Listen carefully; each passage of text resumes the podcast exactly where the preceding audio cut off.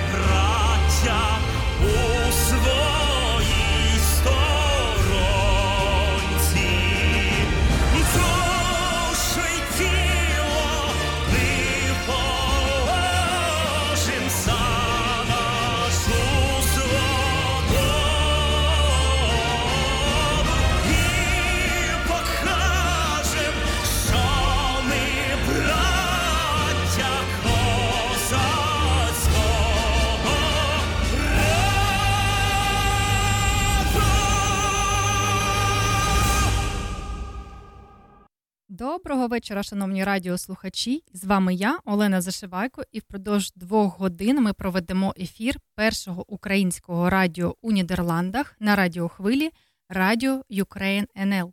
Також вже традиційно у п'ятницю ми поспілкуємося з нашим гідом у Нідерландах та Бельгії Тетяною Пузневською, і вона розповість нам дуже цікаві факти про цю дивовижну країну під назвою Нідерланди. Сьогодні, 2 вересня, день закінчення Другої світової війни. Саме цього дня, у 1945 році, на американському кораблі Міссурі підписали акт про капітуляцію Японії.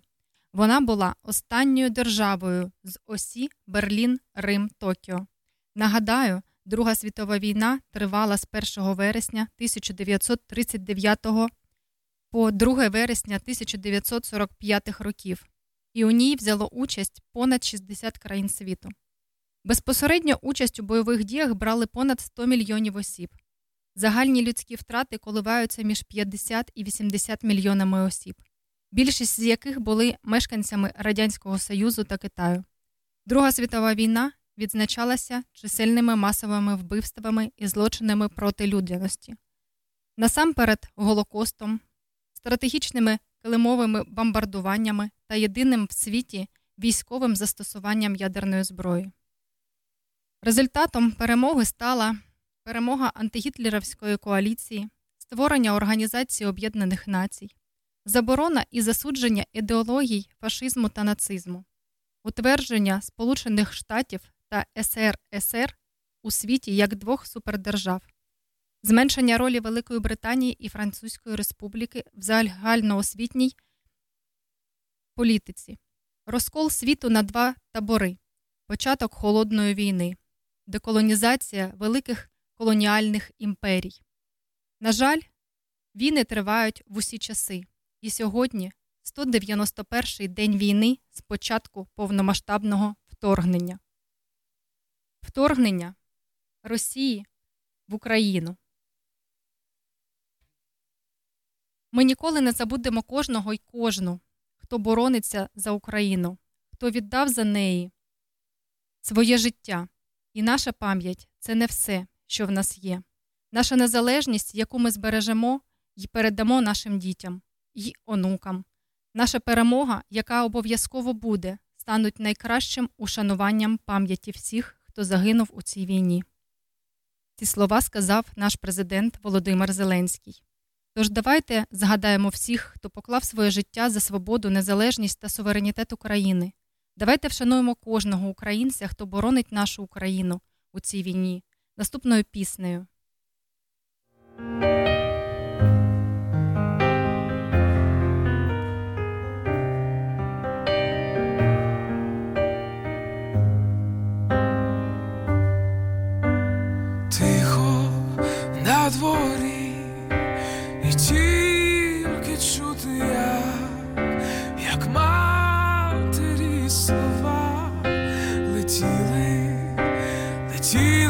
До козака, бачиш, сину мій, свічка не заса, до віку буде вже горіти, горітиме вона молодий юнак, молодий козак,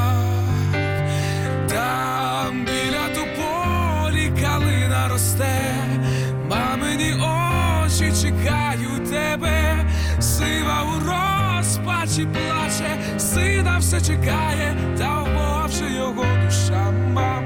Я бою за волю пішов далечінь, за правду і долю нових поколінь, за тих, хто в морі далеко, і крилами лелеки повернеться живі, рік же промайнув, прийшла нова весна, а спокою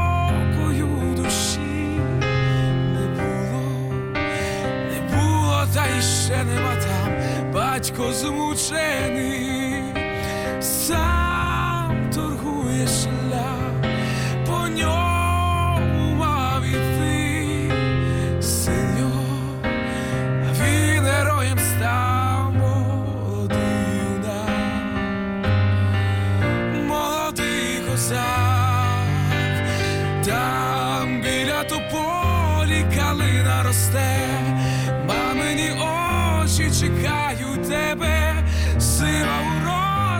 розпачі плаче, сина все чекає, та в Бога вже його душа мам. Я бою за волю пішов далечінь, за правду і долю нових поколінь, за тих, хто в морі далеко, і крилами лелеки повернуться живі там, біля тополі калина росте, мамині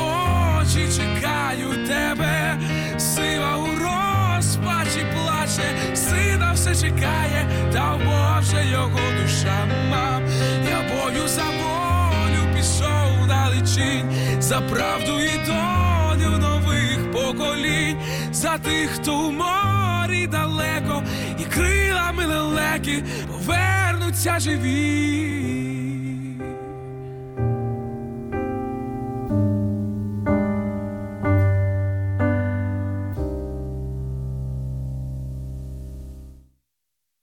Вами Українське радіо у Нідерландах, і ми продовжуємо.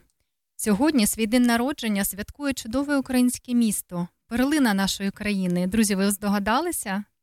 Так, це Одеса. Традиційно сьогодні над містом піднімають прапор міста. І Одеса це місто герой, головна база військово-морських сил України та головний торговий порт держави. За чисельністю населення Одеса полягає третє місто в Україні. Історія міста добре відома тільки з 1415 року як міста Хаджебей. Хоча на території нинішньої Одеси люди почали селитися ще в античні часи. Вперше назва міста Одеса зустрічається 10 січня 1795 року. Існує кілька версій про походження назви Одеса. Перше, що це місто назвали на честь давньогрецької колонії Одесас, яка розташувалася в північному Причорномор'ї. Друге, що слово Одеса це прочитаний навпаки французький вираз, який означає води достатньо, який народився в результаті, в результаті царських дебатів про відсутність прісної води поблизу від обраного для будівництва місця волею імператриці Катерини II. З початку 19 століття місто почало стрімко розвиватися у зв'язку з експортом зерна, і незабаром Одеса стає одним з найважливіших зовнішньоторгівельних центрів країни. Найдорожчим для серця Одесита усі часи був і залишається День його рідного міста. Як я хочу вам сказати, і для кожного українця рідне місце залишається назавжди самим найулюбленішим. Тож, Одесити, я вітаю вас з вашим днем, з днем народження вашого міста, з Днем міста Одеси.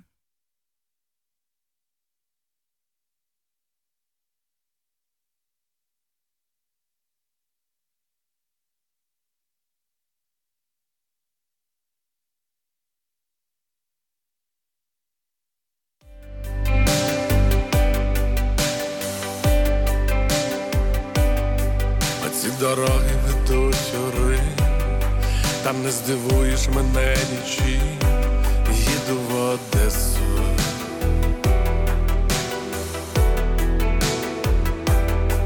Із тисяч міст, де в житті бував, я довго другий свій дім шукав, їду в Одесу.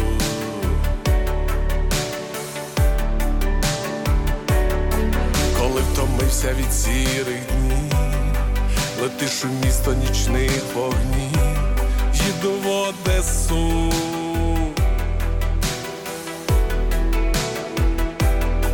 Лиш тут думки свої відпускав, тут безтурботно я танцював, їду в Одесу.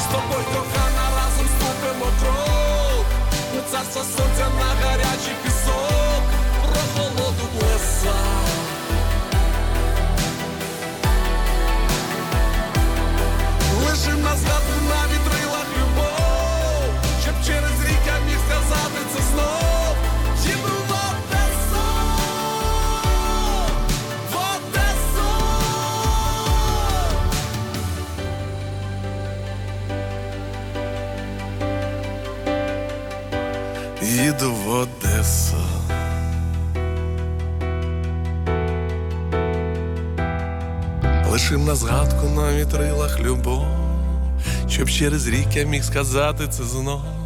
Їду в Одесу. В Одесу.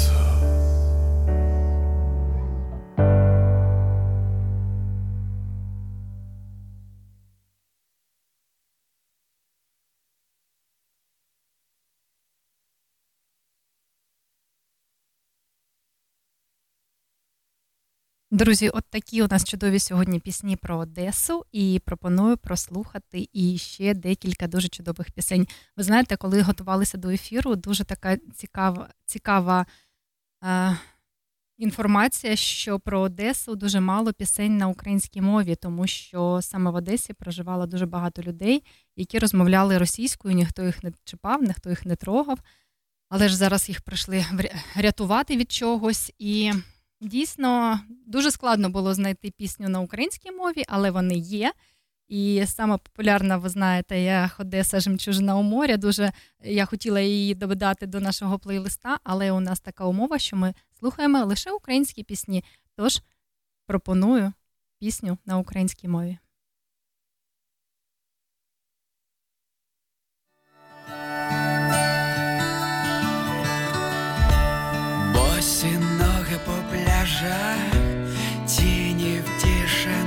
Тишину очі мружаться літом море і небо морем залите, місто вечір платани, музиканти там п'яні, нам співають натхненно ти з тобою, я себе певний, засинай Одесу, засинай, загубились ми твоїми берегами, засинай, Одесу, засинай,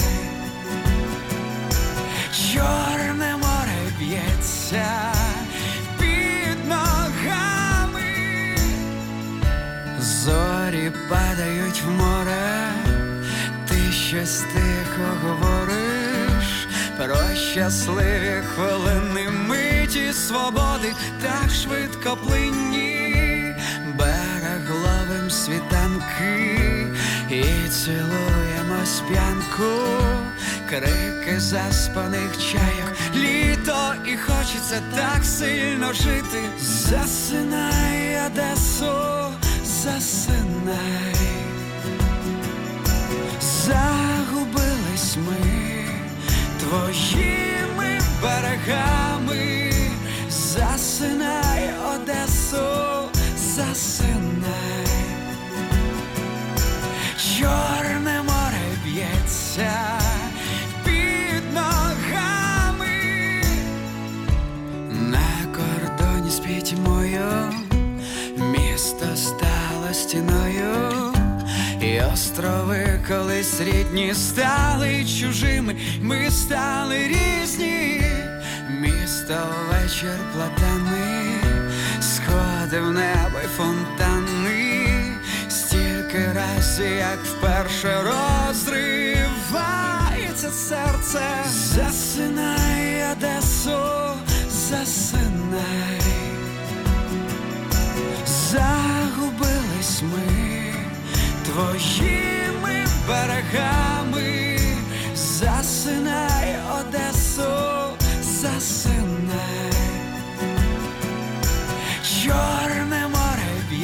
б'ється під ногами.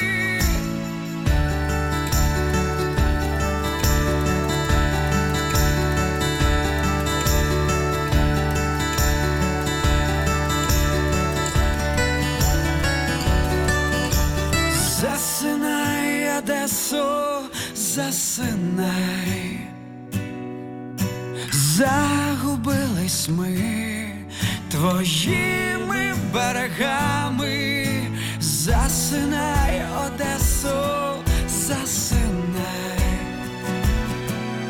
чорне море б'ється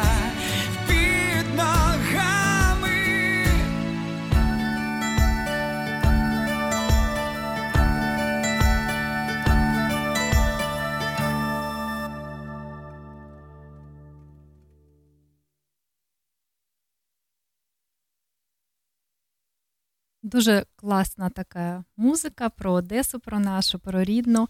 І дійсно, ви знаєте, дуже хочеться вже скоріше приїхати на наше Чорне море, на Азовське море, погуляти по е, вулицях, по Дерибасівській і полюбуватися театром одеським. Дуже красиві, е, дуже красиві вулиці, дуже красиві будинки, дуже історичні, пам'ятні.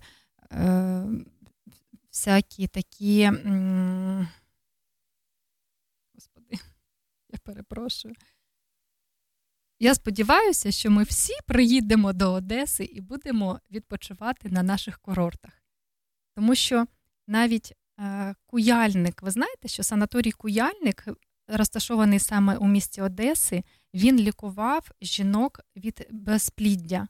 Якщо жінка не могла не могла з якихось причин бути мамою, е, ну, не получала, не, не вдавалося завагітніти, то е, радили всі лікарі е, цієї, цього напрямку, радили їхати до Одеси і лікуватися у санаторію Куяльник. Там є такі дуже класні грязі, ванни, родонові, там всякі дуже корисні і масажі. Ну, Це дуже-дуже корисно, і дійсно така є статистика, що коли е, сімейна пара там чи чоловік з жінкою відпочиває у цьому санаторії, санаторій під назвою Куяльник, то через деякий час у них з'являється дитина, і якщо навіть у них не Е, неможливо це було зробити до цього відпочинку.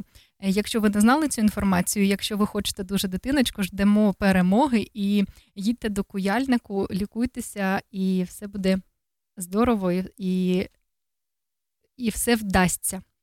І дуже така ще класна є пісня про Одесу Олега Головатенко.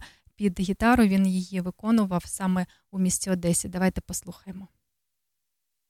Та щастя вернуло додому, є вітер, що душу мою колисав, відводячи тугу і втому, відводячи тугу і втому на Чорному морі. Це рідна земля, де не тлінні сліди вітчизни великих героїв. За волю в країни Одеса веди, ми знову готові до бою, ми знову готові до бою на Чорному морі. Світанок настане, розтануть зірки, на вулицях світло і чисто, що весни в обійма нас кличе свої, усміхнене сонячне місто, усміхнене сонячне місто. На Чорному морі, на Чорному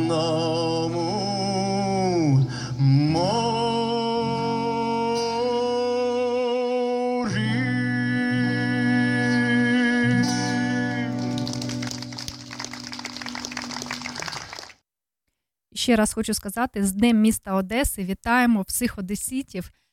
Друзі, обов'язково переможемо, обов'язково Чорне е, море буде наше. Будемо купатися на пляжах, будемо відбудовувати. І е, наше Чорне море і Азовське буде ще крутішим курортом, ніж Італія, Франція та інші країни. От подивитись. А зараз пропоную зустрітися з нашою Тетяною Позневською. Це наш гід у Нідерландах і Бельгії. Танечка, вона сьогодні буде з нами спілкуватися онлайн і розкаже дуже цікаву інформацію про Нідерланди. Тетяно, привіт! Добрий вечір, добрий вечір всім.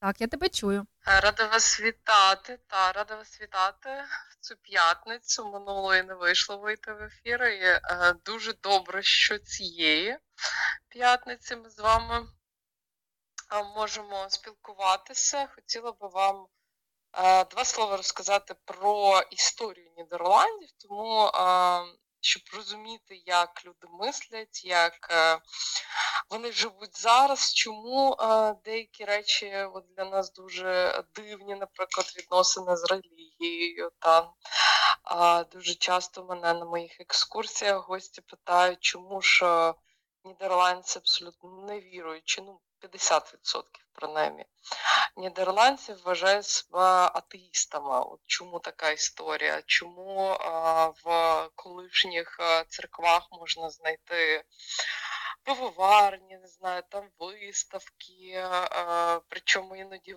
тематика виставок взагалі не дотична до християнства. Наприклад, Fashion Week там проводять от в великій церкві в Газі, як правило.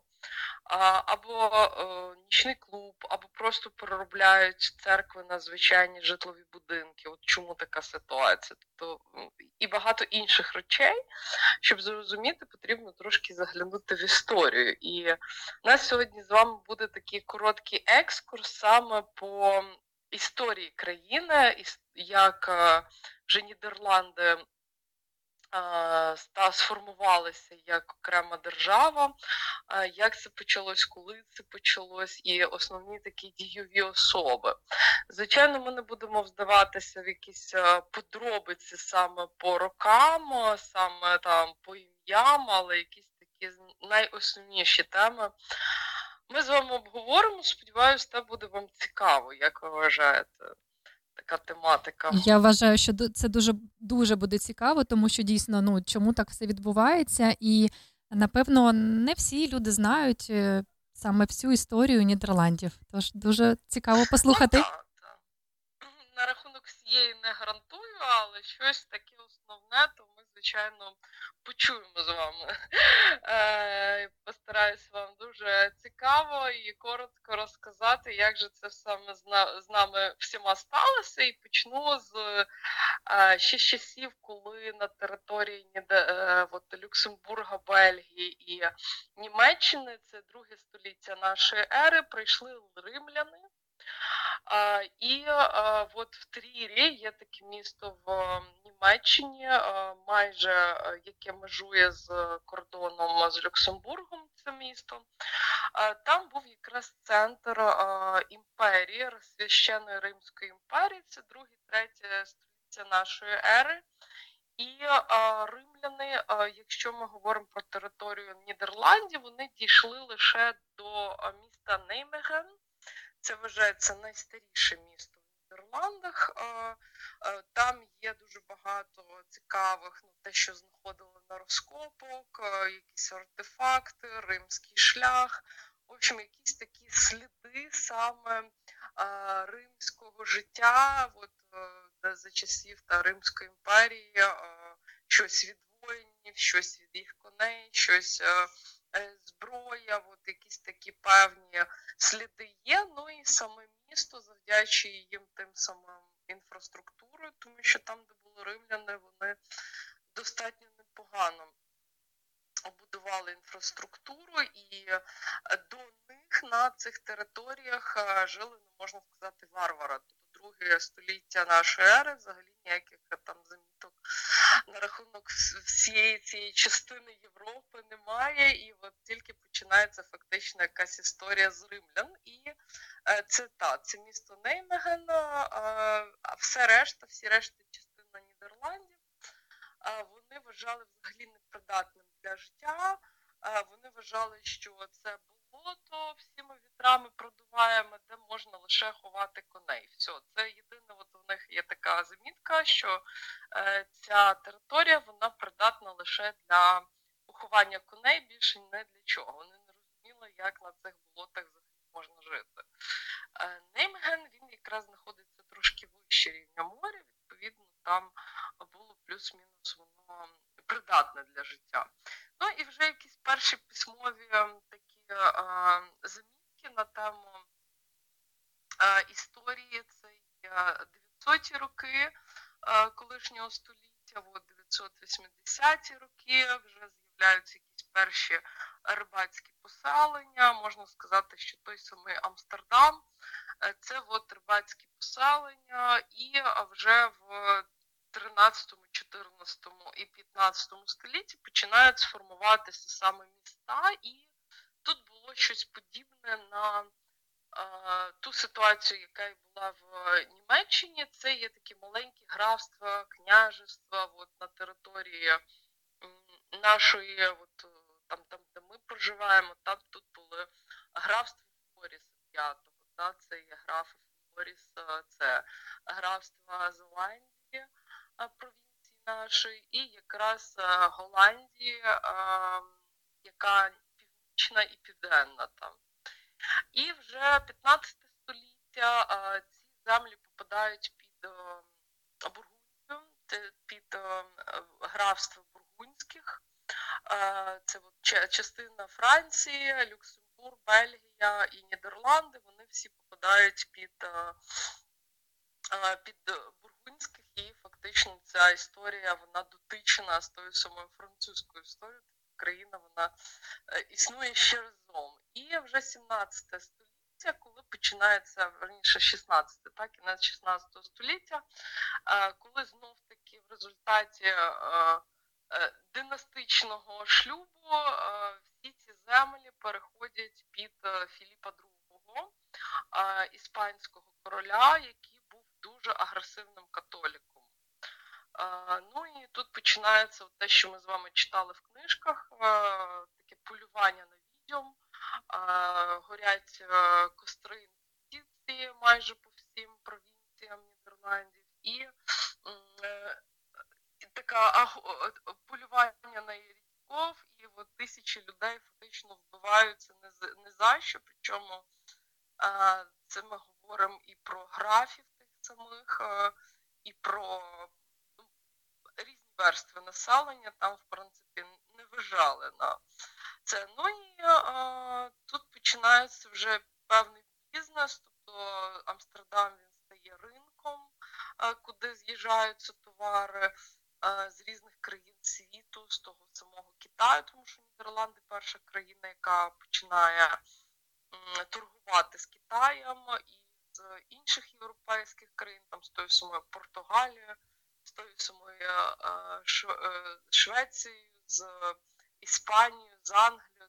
Тут пролягають от завдяки е, географічній локації, е, те, що в нас ми фактично на такому північній акваторії, акваторії Північного моря, ми можемо спокійно дістатися в будь-яку точку всесвіту водою завдяки воді, та завдяки шляхам. І е, тут починаються перші порти. Причому це місто Дельфт, е, і вже після міста Делфт е, це є порт який зараз до, до сьогоднішнього дня. Це от порт міста Роттердам. Тобто такі торгівельні морські шляхи починаються саме з цих двох міст. Ну і Амстердам так само. Там, де зараз от, Central Station, Амстердамський центральний вокзал, з правої сторони від нього фактично були перші, перший порт, і от кораблі зі всього світу вони припливають туди е, з різним товаром. Це все продається в центрі Амстердаму. Е, і така сама історія в Галфті і в Роттердамі. Ну, але їм дуже сильно заважає жити той самий іспанський король Філіп II, і з'являється в нас такий герой, лідер нідерландського спротиву, лідер цієї війни за незалежність від Іспанії. Його звали Вільгельм Фаноранья, мовчазний. От в нього. Цікаве була, цікаве було ім'я, і це фактично, ну тоді ще не було такого, як король, це штатгаутер. Його от він нам перший штатгаутер, якщо перекладати на е, сучасну мову, це як от, е, людина, яка тримає міста, от так, якщо дослівно перекладати. Тобто він має в, в принципі об'єднати, та він об'єднав, він виконав свою функцію, об'єднав ці провінції для супротиву, для такої визвольної боротьби з іспанським королем, але, звичайно, сили були абсолютно нерівні і. Він загинув. Він загинув в місті Делфті, там, де він, власне кажучи, і проживав в Прінченхофі. Там зараз музей, а взагалі це була фактично перша резиденція першого нашого короля, батька нації. І чому його називають батько нації? Та чому таке? Така в нас є назва його. Справа в тому, що він дійсно об'єднав сім провінцій на час, коли тільки почалась війна. Це було абсолютні розрізнені провінції. Вони не жили разом, вони не були фактично одною країною. Там не було такого поняття, як країна Нідерланди. Там це було разом. Там Люксембург, Бельгія, частина Франції. Це все було під е, Іспанією, під е, Філіпом II. І от він об'єднує сім саме нідерландських провінцій. Об'єднувалися вони під військовою угодою. Це з самого початку була сама військова угода, вона називається Утрехська унія. Ну, Вона була та підписана в місті Утрехті, і з цього документу фактично починається історія країни, яка називається Нідерланди, і в якій ми з вами та проживаємо.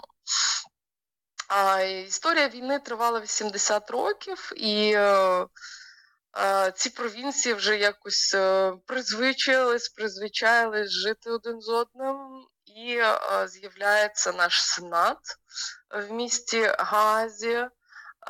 Де в рівній кількості присутні всі представники всіх провінцій.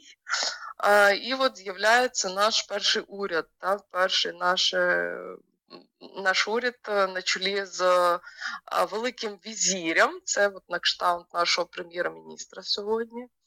І окремо є король і його син, принц Мауріц, він фактично завершив цю визвольну боротьбу. І от у нас е, є країна вже, це кінець 17 століття, країна, яка називається Нідерланди, в яку входять е, сім провінцій. Та, е, на чолі з першим королем Мауріцом і на чолі з парламентом, який до сьогоднішнього дня є в місті Газі в готичному комплексі Бінінхоф. Ось така в нас історія, фактично коротка, як наша країна стала м, такою самобутньою. І якщо Слухати гімн країни, він, до речі, вважається найстарішим гімном Найстарішим гімном Європи Хетвільгельміус, наш гімн, це от е, е, Вільям Фаранні, він співає від там від першого обличчя, що я німецьких, е, ну, в моїх жилах тече німецька кров, але я в цей важкий час, в цей час визвольної боротьби разом з народом, який я люблю, і ми до перемоги та, йдемо. І він дійсно насправді німецький німець за походженням, тобто він народився навіть не в провінціях Нідерландах, не в цих провінціях він народився в Німеччині, але от став лідером нідерландського спротиву і людиною, яка об'єднала сім от абсолютно різних провінцій. Е, ну і це не остання війна, яка спіткала, яка випала на долю Нідерландів. Е, так само в нас була війна з французами. Тобто народився в Франції такий е, Наполеон Бонапарт, який, в якого були імперські амбіції, який вирішив, що потрібно до Франції, до Лона та вернути все. І от Бельгію, Люксембург і все решта він згадав дім бургунських, і е, що потрібно цю всю імперію відновити. І так він захопив це початок вже 19 століття. Він захоплює. Ці е, провінції садить сюди свого брата Луї Бонапарта, який був у нас ну не дуже довго, буквально пару років королем нашої країни, е, і от будує він як король, він будує палац в самому центрі Амстердаму на Дам-сквер, зносять. Там стару біржу, старе будівля суда, все це зносять і будують отакий от палац. Хто був в Амстердамі, його однозначно бачив. На 13 тисячах 600 сваях стоїть вбитих землю оцей палац побудували це все для Луї Бонапарта, ну і е, не, не так довго. Музика грала, і він фактично е, разом зі своїм братом, та в них була велика поразка під Ватерлоу. Е, і сюди вертається династія ван Оранія, яка на сьогоднішній день так само є правляча. А, Я не знаю, чи є в нас час ще на рахунок Другої світової. От е, скажіть, як там так, у вас справи Танечка, з часом? Є, є час, все добре, є час, і дійсно цікаво, тому що саме під е, часи Другої світової війни потім Францію ж е, ну, признали.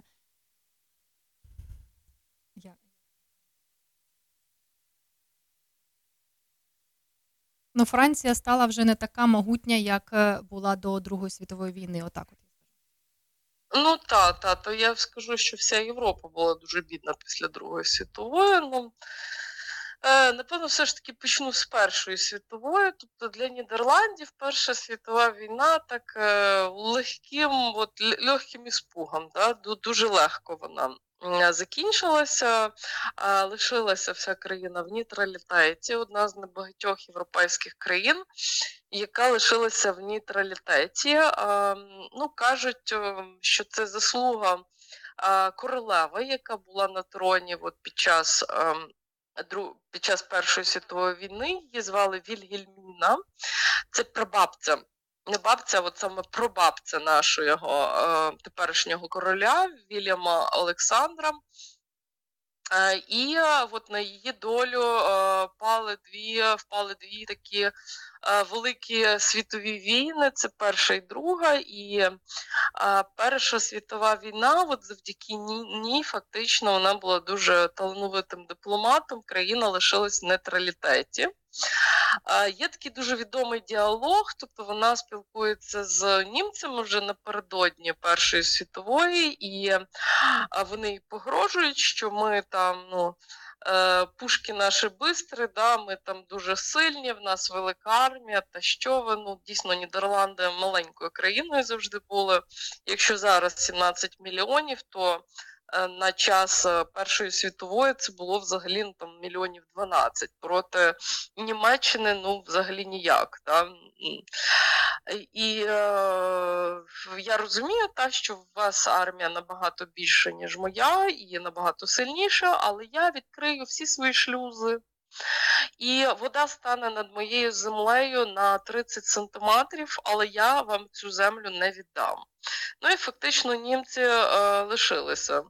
Е, цього вони вирішили не чіпати Нідерланди, і от Нідерланди вони в такому повному нейтралітеті були під час Першої світової війни. Ну з Другої світової війни з Другою світовою війною цей фокус, е, на жаль, не вийшов.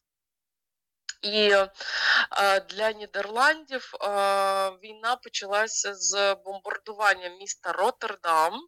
Я думаю, що всі знають, що Роттердам абсолютно нове місто. Це таке місто майбутнього його називають, місто з футуристичною архітектурою, там оцей кубічний комплекс.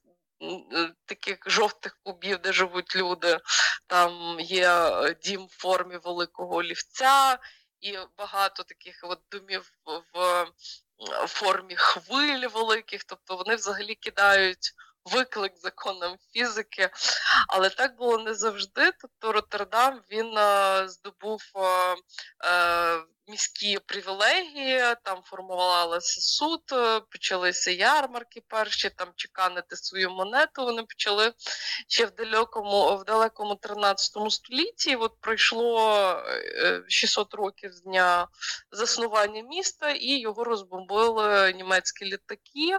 Там буквально за два тижні на місто було скинуто 290 тонн тротіла. Тобто вони от, центральну частину вони стерли. Абсолютно повністю. Е, якщо маєте бажання, можете загуглити, як виглядав там Роттердам після Другої світової війни. Це от суцільні руїни, і е, один такий шпіль це от храм Лаврентія. Він от вцілів. Е, наскільки це взагалі було можливо, і ще от там е, будівля ратуші, буквально от пару на пальцях можна перерахувати ці будівлі, які вціліли, і чому саме Роттердам, чому не Амстердам, який вже на той час був е, столицею, чому не Гаага, де була королевська завжди резиденція і парламент. От чому саме Роттердам? Справа в тому, що в Роттердамі був а, на той час найбільший порт світу. А зараз він другий по величині після Шанхайського і перший в Європі. Тобто це такі водні а, ворота Європи. А от на час Другої світової це був найбільший порт, і якщо країна от вона не мала як ну, щось якось себе захистити, вона фактично не не могла, тому що маленька кількість населення і дуже маленька армія. Але от військово-морський флот був достатньо потужний.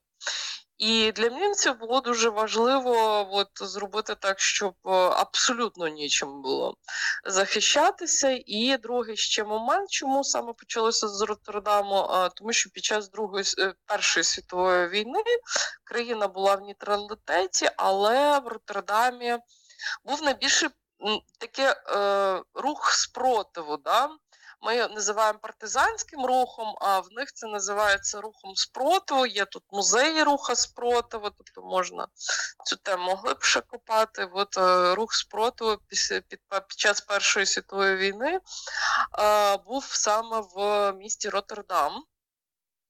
І важливо було е, це все закінчити. Ну і відповідно після цього бомбардування країна повністю капітулювала, і е, наша Вільгельміна, наша королева разом зі своєю сім'єю, е, абсолютно зі всіма членами сім'ї, мігрувала спочатку до Лондона, і, до речі, парламент так само. Е, Ну, я думаю, їх би просто розстріляли, якби вони тут лишилися. Е, німці б однозначно не допустили їхнього існування. Вони спочатку іммігрували в Англію, потім іммігрували в Сполучені Штати Америки і повернулися вже. Після Другої світової війни тут фактично от 4,5 роки був фашистський режим німецький. Ну, скажімо так, німці вони до нідерландців дуже дуже так лояльно відносились якихось, ну, після, звичайно, Роттердамського бомбардування, якихось таких страшних історій не було, ніяких розстрілів.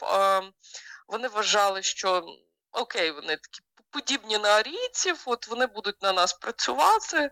Тобто всі е, дійові такі постаті були, звичайно, з Німеччини і всю верхівку, всі от такі ключові ролі зайняли саме німці, але нідерландці вони лишили таку як робочу силу. Ну, на рахунок єврейського населення їм, звичайно, повезло набагато менше, і процент євреїв, які не пережили Другої світової, в Нідерландах, на жаль, найвищий в Європі. Тому що євреї тут жили локально в єврейських кварталах, і взагалі їх знайти не було ніякої ніякого питання. Та? Тобто карту береш, ага, єврейські квартали. Тобто їх, їх знищували прямо кварталами людей, так? Так, вони жили кварталами. Це, до речі, почалась та вся історія з євреями Нідерландів. Вона почалася з. Е, е з того, що от 17 е, століття і е, Філіп II, він спочатку цю свою кроваву інквізицію почав в Бельгії.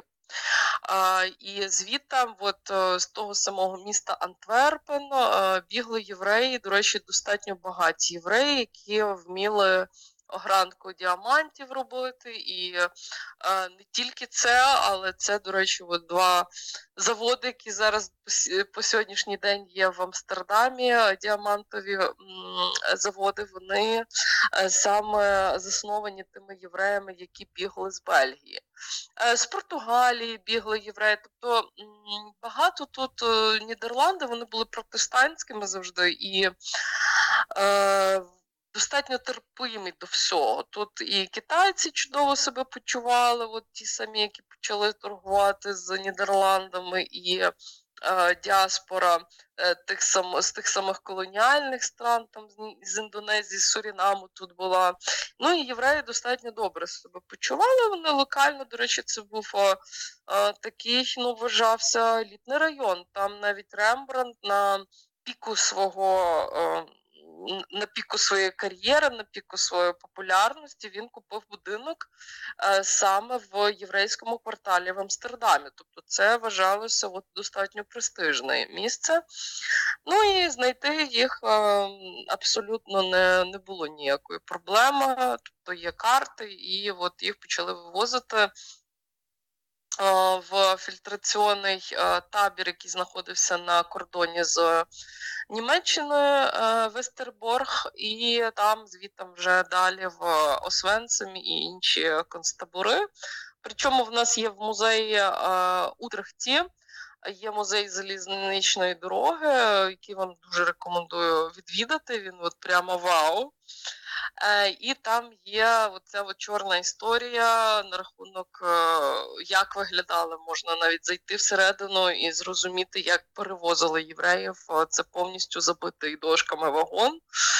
Е, без, ну, навіть я не знаю, мені здається, скот вже так не перевозять без туалету. Ой, без Тетяночко, нічого, ти знаєш, я тобі хочу сказати, е, я перепрошую, що перебиваю, слухаючи цю історію про Нідерланди і про німців, і я зараз, е, знаєш, думаю, що Та, такий флешбек. так, флешбек, все, та, все, та. все повторюється. Нічого не міняється. той та. самий сценарій. І ти знаєш, українці також їхали в тих поїздах, то просто жах, тому що ну, ми бачили такі жахіття, і люди з дітьми просто натовпом е, були забиті у ті вагони, і вони просто хотіли е, спастися, тому що дійсно, якщо ми беремо Маріуполь, Харків, Мелітополь, то це міста герої, котрі дійсно Маріуполь зовсім взагалі розбитий вщент як Роттердам. І я дуже сподіваюся, що Та, та, закінчиться я, речі, війна я і от, е, відбудуємо його також само, також гарно, як і Сто Роттердам.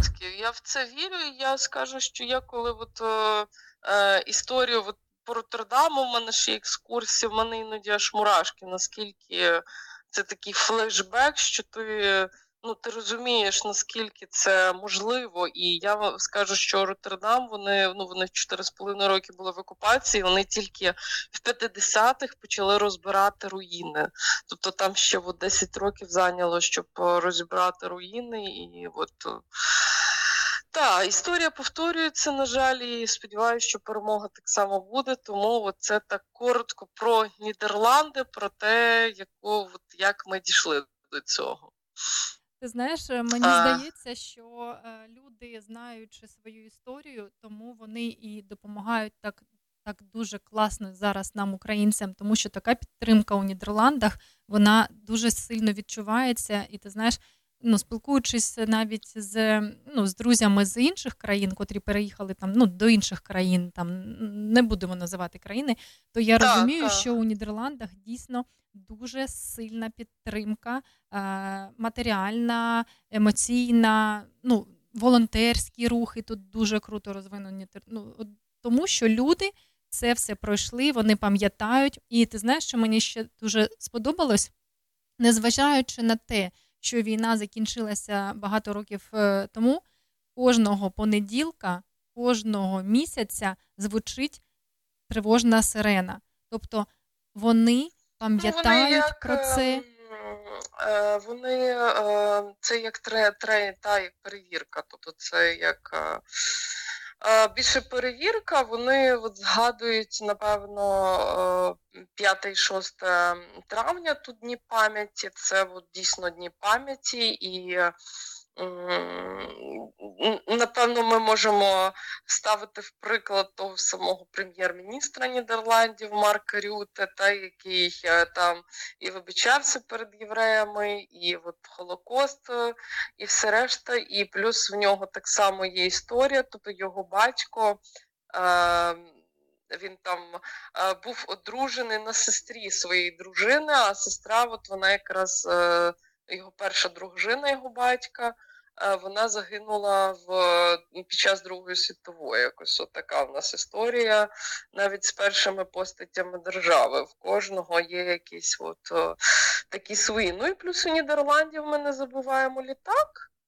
Тобто історія з літаком в 2014 році, на борту якого було 198 е, мешканця ну, саме Нідерландів. Тобто ця історія вона їх вразила, і ну, немає людини в Нідерландах, яка не знає цієї історії про літак, про цю всю трагедію. Там цілі сім'ї летіли, і багато хто після тої трагедії не оговтувався, не оговтався. Там, якщо в тебе там на літаку гине вся сім'я, то ну багато було випадків суїцидів після цього. Тому е, можемо сказати, що ця трагедія, яку так само спричинили росіяни, вона принесла і цій країні велике горе. Е, Тому вони, вони, вони, ще й з літаком. Це та от для них це як продовження цієї історії, тому та повний супорт і е, таке е, розуміння ситуації саме українців. Так.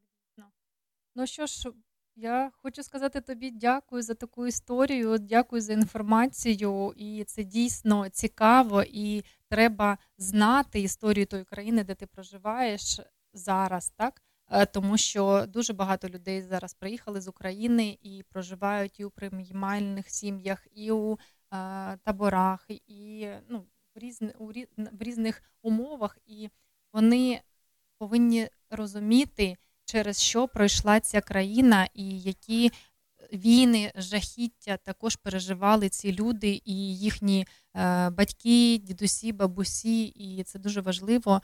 І також підтримувати і вшановувати пам'ять е, тих людей, котрі загинули саме у війнах у Нідерландах.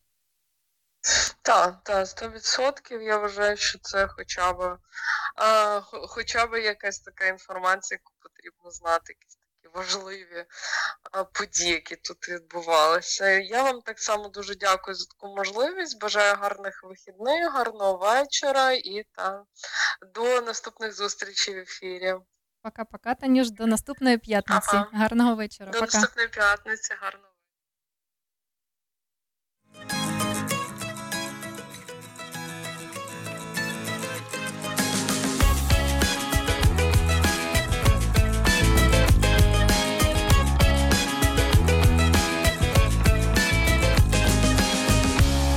Зазирни під мою шкіру, там ціле небо журавлі, там ще не вигадали віру, і море повне кораблі, там ріки тихі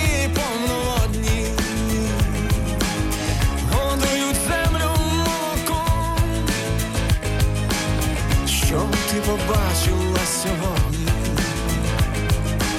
Всі сили відчиненим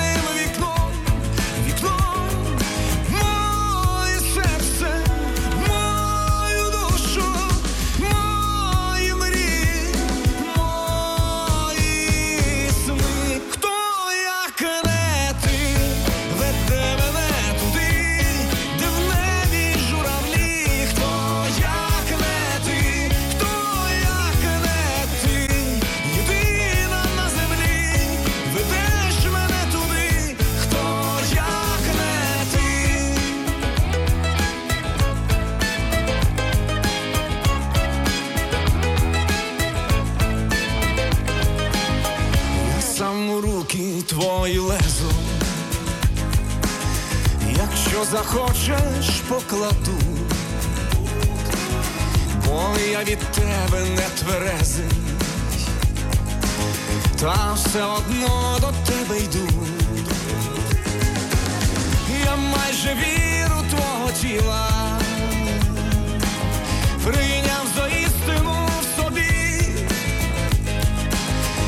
Бери усе, чого хотіла, я віддаю лише тобі, тобі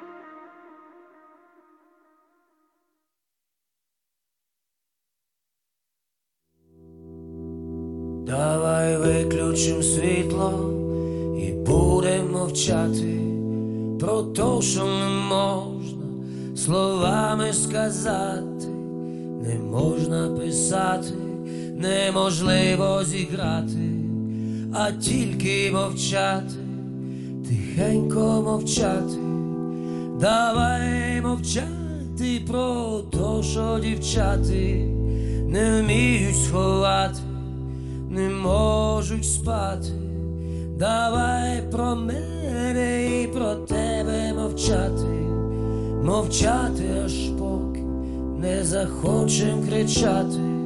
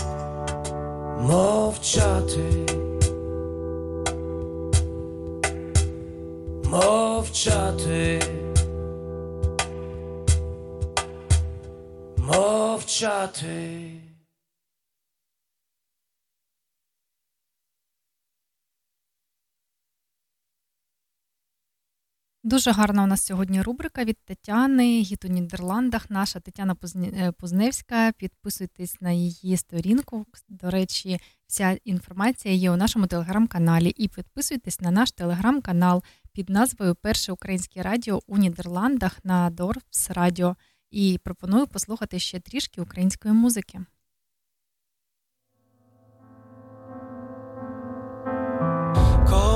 Від всіх тікаю, турботи забуваю, навколо очі самоти. Тобі я прошепочу, що знов відчути хочу, як разом із тобою ми. Ти мої вітрила, музика моя,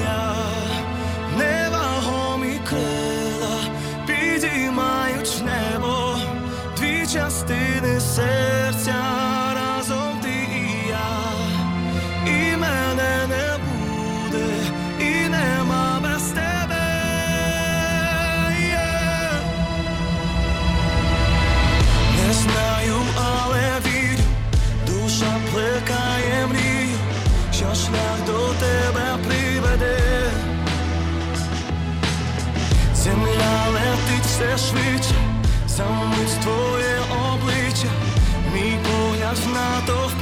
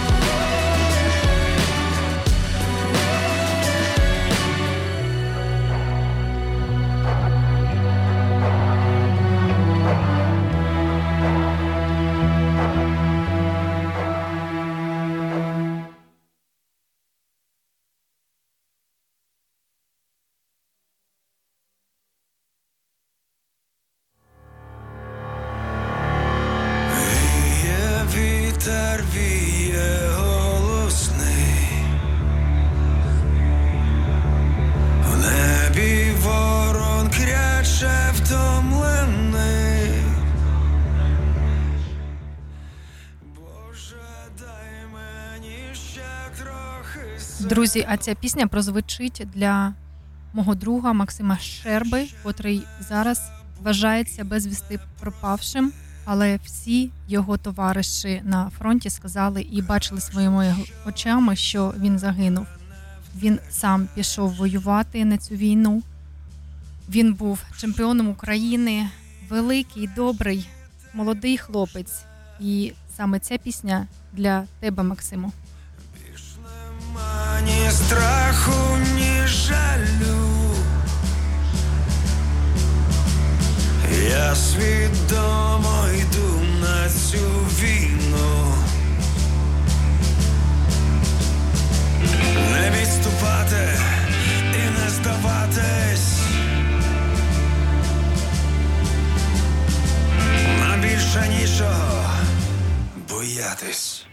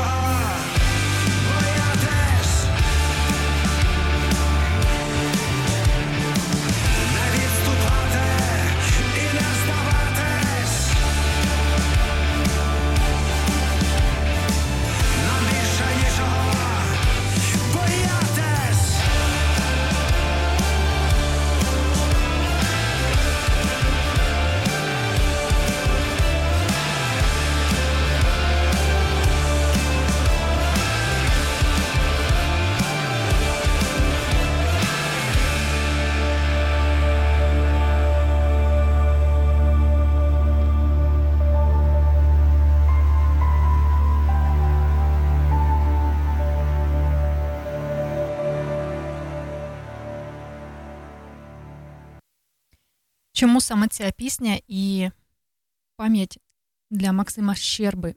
Якщо чує хтось із друзів або його мама, то пам'ятайте і знайте, що він завжди буде героєм України, героєм країни, і ніхто його не забуде, і він герой сильний, мужний і незламний, тому що саме він у перший день війни, дивлячись по телебаченню про те, що почалася війна, він встав і пішов захищати країну. Він був добровольцем, котрого вбили, і зараз він залишається на полі бою, тому що росіяни вже окупували ту територію, де стався цей бій, і неможливо було його забрати з того місця.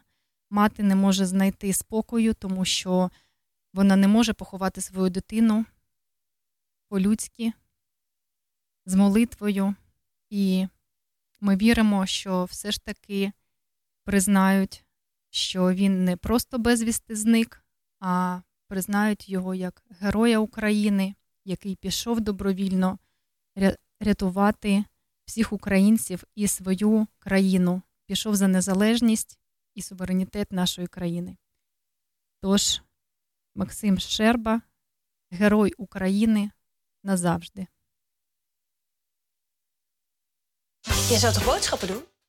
Так, друзі, а я вам хочу розказати, які зміни відбуваються з 1 вересня 2022 року для тих людей, котрі проживають зараз у Європейському Союзі.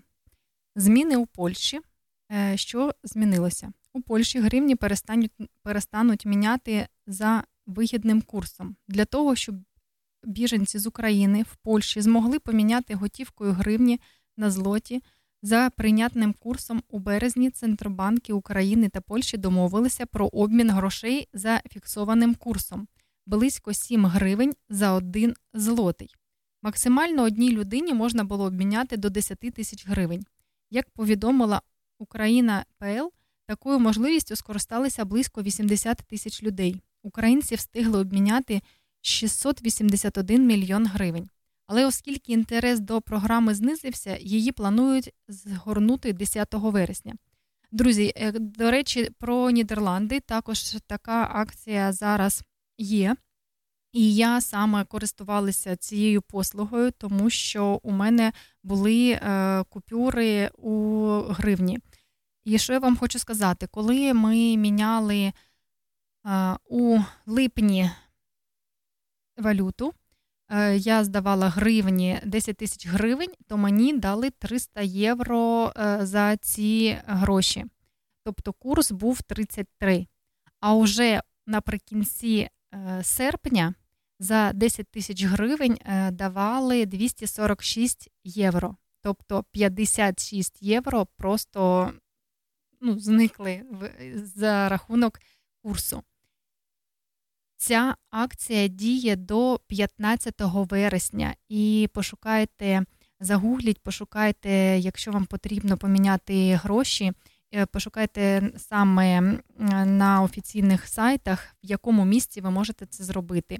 Не зволікайте, тому що у вас ще є така можливість. Курс, звісно, вже не такий, який був у вересні і серпні, але ж все одно ви розумієте, що гривні ви тут ніде не, не зможете е, скористатися ними і на картку не зможете покласти. Тому, якщо у вас є е, гроші саме купюри бумажні, номіналом не менше ніж 100 гривень, то ви можете це зробити у пунктах обміну. Так, і польське воєводство роздасть біженцям з України півсотні квартир. Як повідомляє е, сайт, е, польський сайт, біженці з України отримують півсотні безкоштовних квартир. Житло призначене для українців, які отримали тимчасовий захист в Опольському. На сьогоднішній день до програми залучено 49 приміщень у 17 адміністративних одиницях Польщі. Розглядаються можливості збільшення кількості житла для біженців. Соціальне житло площею 40-50 квадратних метрів з ремонтом, необхідними меблями та сантехнікою надається біженцям терміном до двох років. Після цього воно буде використане для громадян Польщі, які опинилися у скрутному становищі. Так що е, є така надія у тих людей, хто проживає у Польщі, що вони отримають Е, соціальне житло. Але ж ви розумієте, скільки людей е, є зараз у цій країні, і лише 50 квартир то дуже мала така цифра, але ж все ж таки комусь дуже підкортить. Що саме змінилося для українських школярів у Польщі? Для всіх учнів у польських школах у предметах освіта для безпеки буде включено більше елементів пов'язаних з обороною. Учні вивчатимуть, як розбирати та складати зброю, як використовувати пневматику, як регулювати на погрози через бойові дії. Нововведення відноситься і до іспиту на отримання атестату зрілості. Зокрема, на його складання учням дадуть більше часу, причому самих завдань теж буде більше. Тепер для того, щоб звільнитися від відвідувань фізкультури, школяри школярам буде потрібна відповідна довідка від лікаря-фахівця, а не сімейного лікаря. Тобто Польща розуміє, що треба е, бути обачними і підготовувати, захищати країни і підготовувати вже підлітків до того, що Росія може не зупинитися. Тож е, готуємо, готуємо і підготовлюємо і навчаємо дітей для того, щоб вони мали змогу обороняти країни і своїх жінок. Пропоную послухати музики. Стань моїм дахом у небі, щоб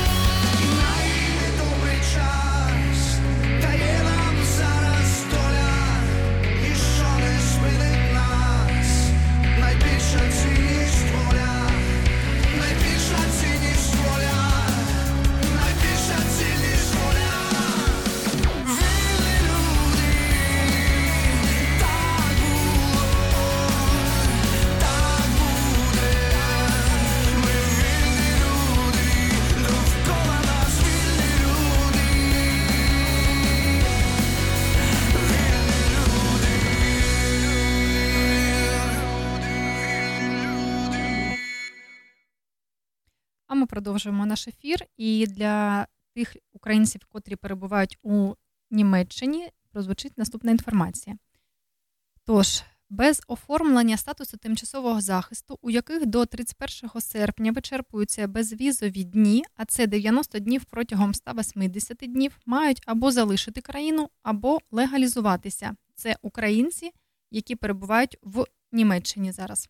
До 31 серпня перебувати у Німеччині українцям було дозволено незалежно від використання безвізу чи депортації. Якщо безвіз закінчується до кінця літа, необхідно оформити тимчасовий захист до 1 вересня.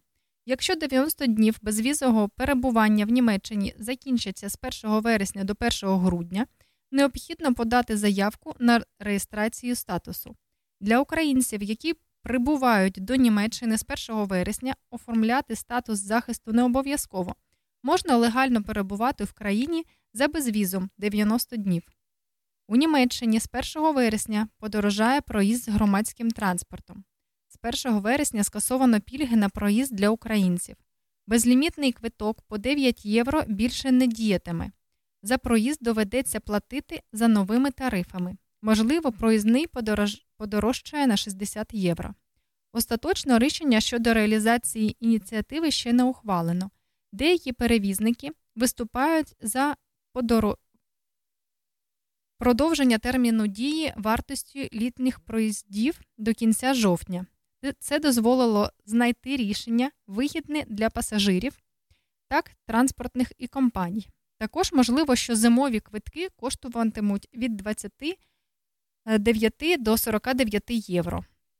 Така інформація для українців, котрі зараз перебувають у Німеччині. Тож ви пам'ятаєте, коли вам давали ці проїзні по 9 євро, вони казали, що акція буде діяти лише на час літніх е, місяців, на час літніх канікул.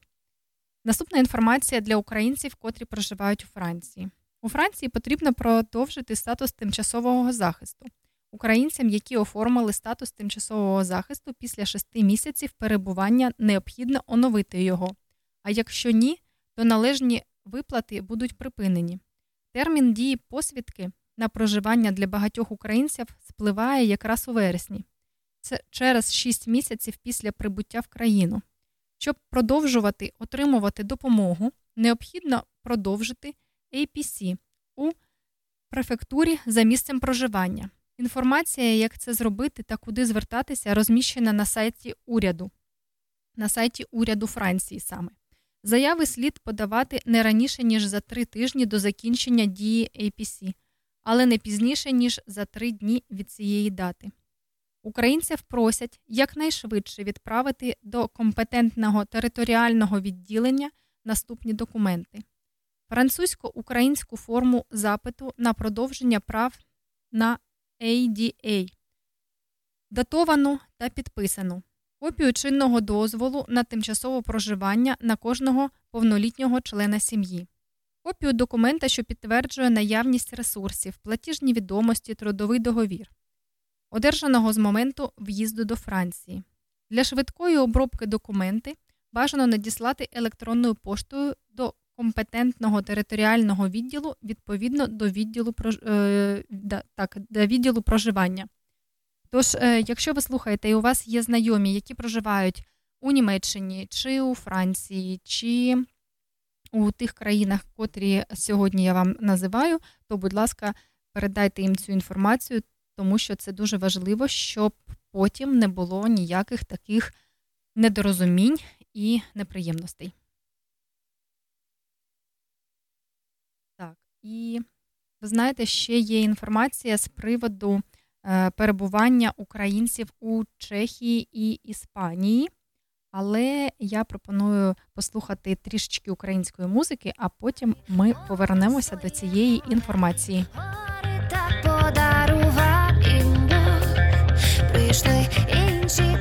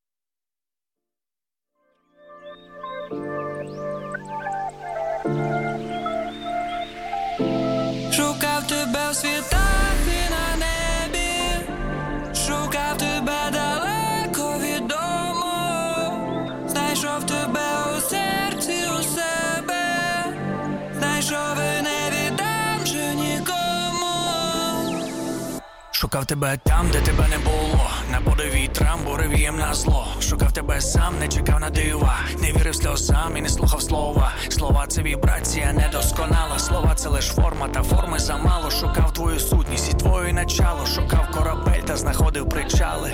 Порожні. Пані вельможні просили, щоб я залишався із ними. Русалки мене лоскотали, і мавки гукали піснями своїми.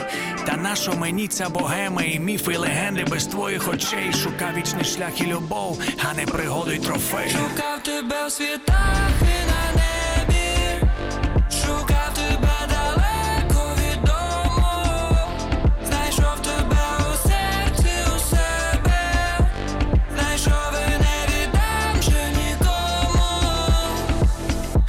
Тебе там, де мене не було, де істинний храм, де моє джерело. Знайшла мене там, бо шукали сама. Тепер я не сам і скінчила зима. Зима, що у серці земніше, ніж совні. Якби не знайшли, стали б холоднокровні. Знайшов тебе, і ось ми вже не безмістовні. І вже не працюють закони церковні. Для нас каміння коштовні, це пилий пісок порівнянні з красою твоєю. Завжди знав, що з найкрасивішою буду собі однією сім'єю. Тепер знаю бути найбільшим, яким бути можу. Для тебе я мушу. Шукав половинку другу та знайшов рідну душу. Шукав тебе в світах і на небі, шукав тебе далеко від дому, знайшов тебе у серці у себе, знайшов і не віддам же нікому, шукав тебе в світах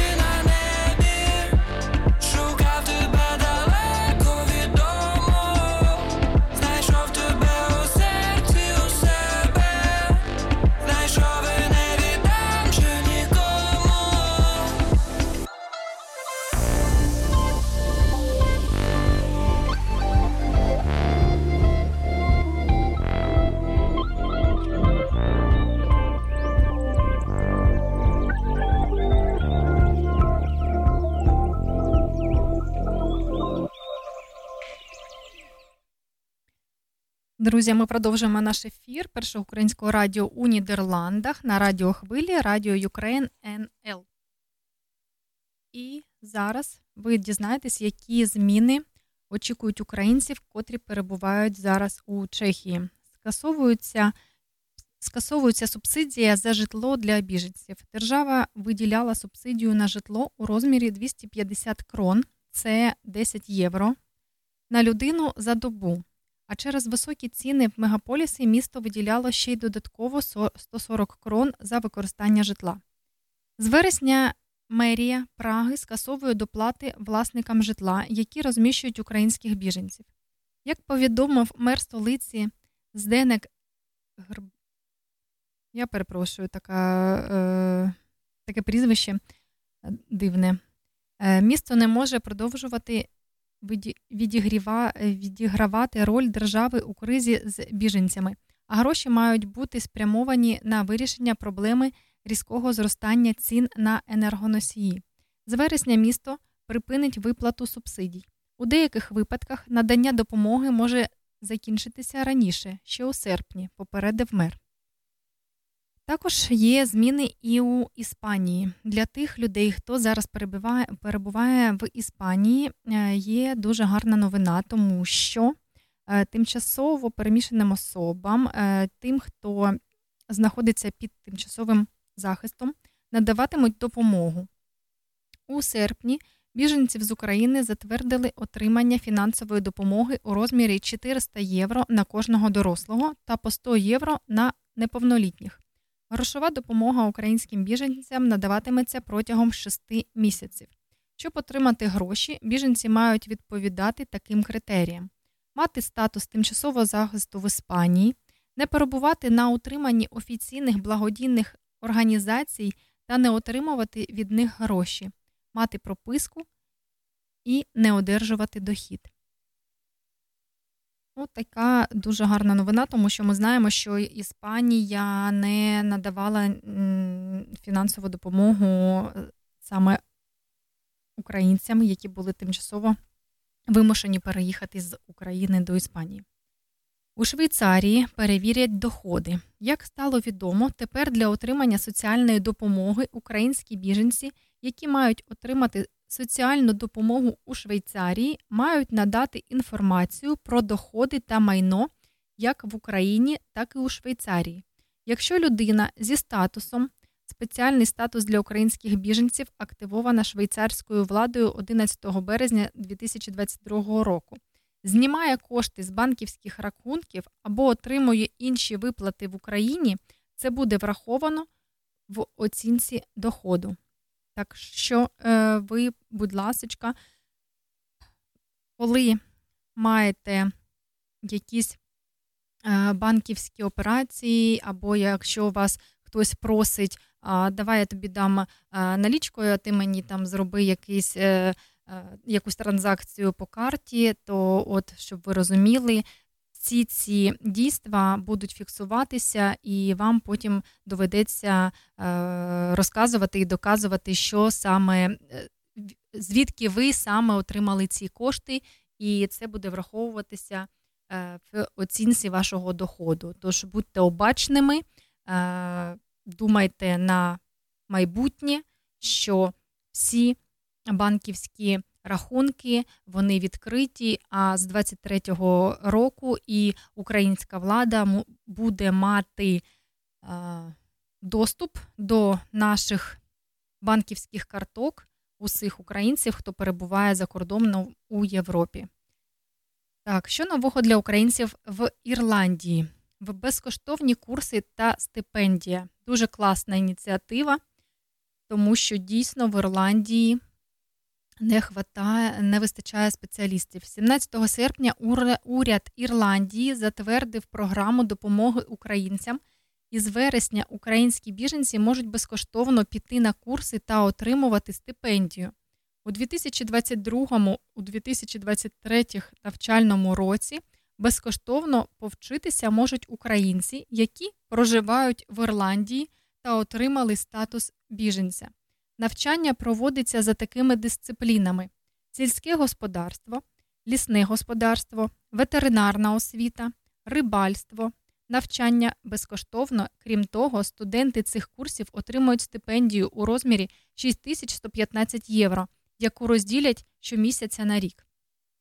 Тож, це дуже гарні новини такі для наших співвітчизників, для українців, котрі перебувають зараз вимушено тимчасово, наголошую тимчасово за межами своєї країни, і ми бачимо, що дійсно країни ЄС підтримують нас, надають можливість працювати, надають можливість навчатися е, дітям і не тільки дітям, і дорослим. Відкриваються speaking club и, відкриваються онлайн-курси безкоштовні, і це дійсно дуже гарна підтримка наших громадян. І, до речі, на своєму е, опиті такому скажу, що вчора довелося е, перебувати на такому класному івенті, е, який був називався Ярмарка вакансій. Ви знаєте, дуже багато було українців, котрі проживають саме в нашому тут регіоні, котрі ще не знайшли собі роботу. А я там була в і з, з мамою, там і з подругою, так. І також мені було цікаво саме для радіо подивитися, як відбуваються такі е, зустрічі, щоб сьогодні вам це розповісти. Так от, якщо у вас десь поряд ви знаєте, що буде відбуватися така е, таке, е, така зустріч, от я вам просто раджу, обов'язково туди сходіть. Якщо навіть ви не плануєте там Е, або ви боїтеся, да, що ви не зможете знайти якусь вакансію, ту, яку ви хочете, або ще там якісь у вас є перешкоди, може ви соромитеся, що ви не знаєте мови, ну і ще якісь можуть бути причини.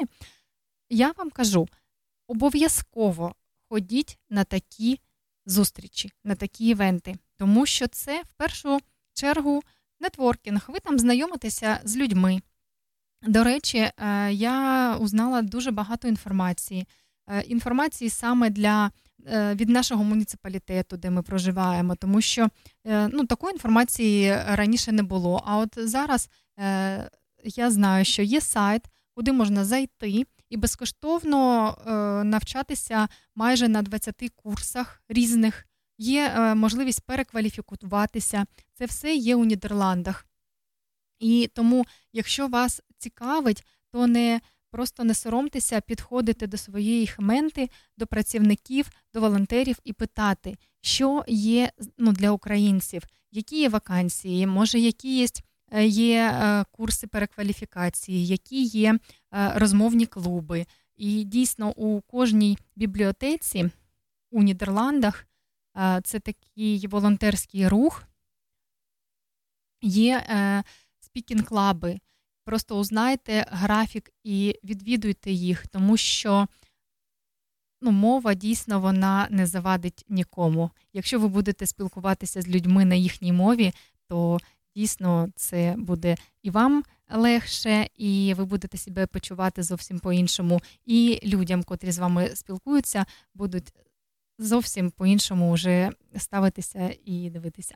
Тому ще раз наголошую: якщо у вашій, е, вашому місці чи селищі проходять такі е, івенти, такі зустрічі, там, де е, є роботодавці, там, де є рекрутери. Рекрутери це ті люди, котрі закривають вакансії, підбирають робітників для бізнесу.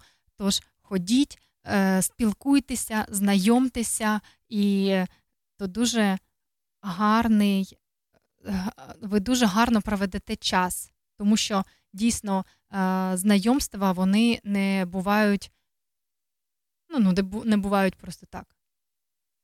Комусь ви можете бути корисними у якійсь справі, а хтось може і вам допомогти у вирішенні ваших е, якихось питань. І пропоную, і вже наш ефір завершується. Я пропоную послухати ще української музики. А так нагадаю, що не нагадаю, а хочу вас поздоровити з тим, що у нас почалася осінь. І я не знаю, хто як реагує. Я, наприклад, дуже люблю осінь, тому що в мене дні народження у, е, саме у вересні у мого сина і в мене. І завжди осінь така, вона, знаєте, дуже класна пора року, як як на мене, як на мою думку, тому що вже не так жарко, вже е, збирають е, урожаї, жнива, і така вона плодородна пора, дуже дуже гарна. І не, вже, вже немає такої спеки. Тож, вітаю вас усіх з цією порою, і також а, всіх діточок, котрі пішли до школи, і всіх батьків тримаймося, ми це зробимо. Так дійсно тяжкі часи, дуже складно, але давайте думати, що ми здолаємо ці перешкоди, ми зможемо допомогти нашим дітям вивчитися. А якщо у вас дітки вчаться і в українській, і в європейській школі, то то взагалі подвійна, подвійне навантаження. У мого у моєї дитини потрійне навантаження, тому що він буде вчитися у трьох школах: це і українська, і нідерландська, і українська музична школа. Але ж я вважаю, що а, всі ці навички вони напевно знадобляться дитині і всіляк, всілякими діями буду підтримувати і чого я вам бажаю. Тому що діти то є наше майбутнє, і давайте підтримувати їх, тому що їм також дуже складно адаптуватися і інтегруватися у середовище.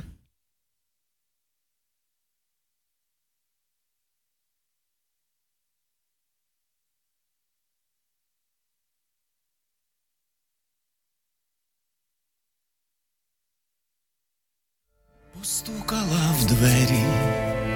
З ранковим дощем і рвалась, хопила, тримає,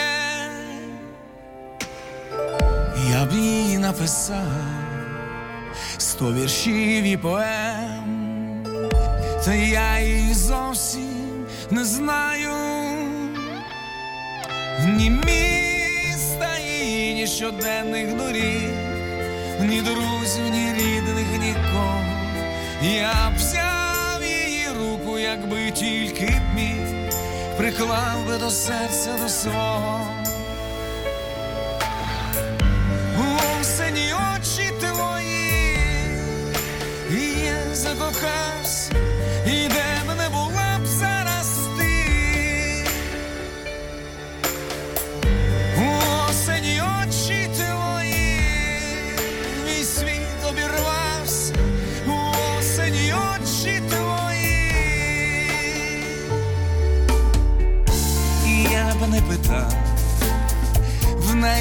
вона спить, і по кому квітки її сохнуть. Я вслухав із нею, як клен шелестить, як в жовтні садки мертво мокнуть. Не знаю ні вулиць, ні дат, ні адрес, ні розмірів, ні героїв, поетес, нічого, та все ж я з тобою.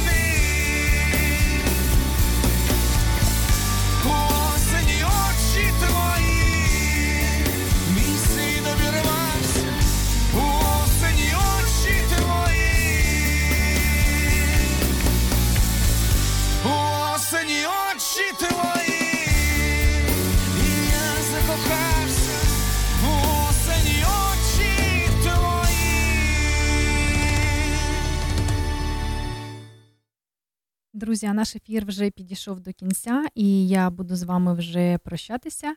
Зустрінемося в понеділок. У нас буде дуже цікавий гість. Е, Це хлопець, але ви вже дізнаєтеся всі подробиці саме у понеділок. І наостанок послухаємо ще одну пісню, також про осінь.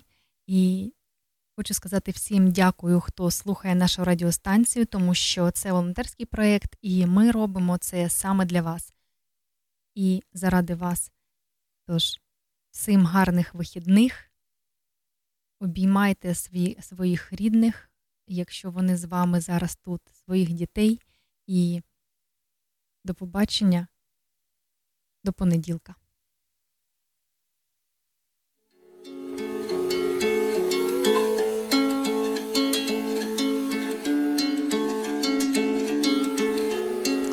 Хлопче, нагадай, який рік, будь ласка. 2022. Дякую. Київ ти вдома, навіть якщо вдома не Київ. Київ ти обланти не грилів, техніку автомобіля. Ти цього не бачив раніше. Половині ти не повіриш, але Київ про стиля. Київ ти люди і стилі, стилі, що роз'їбали, перших обурили люди. Люди, що себе присвятили.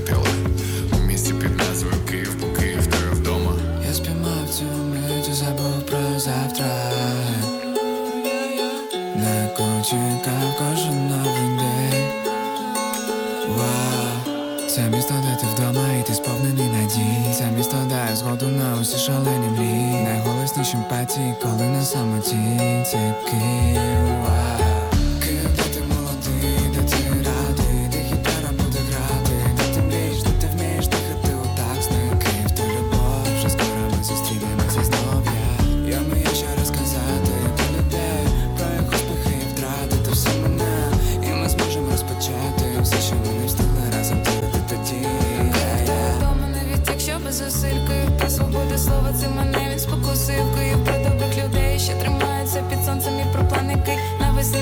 Bawię się basem, a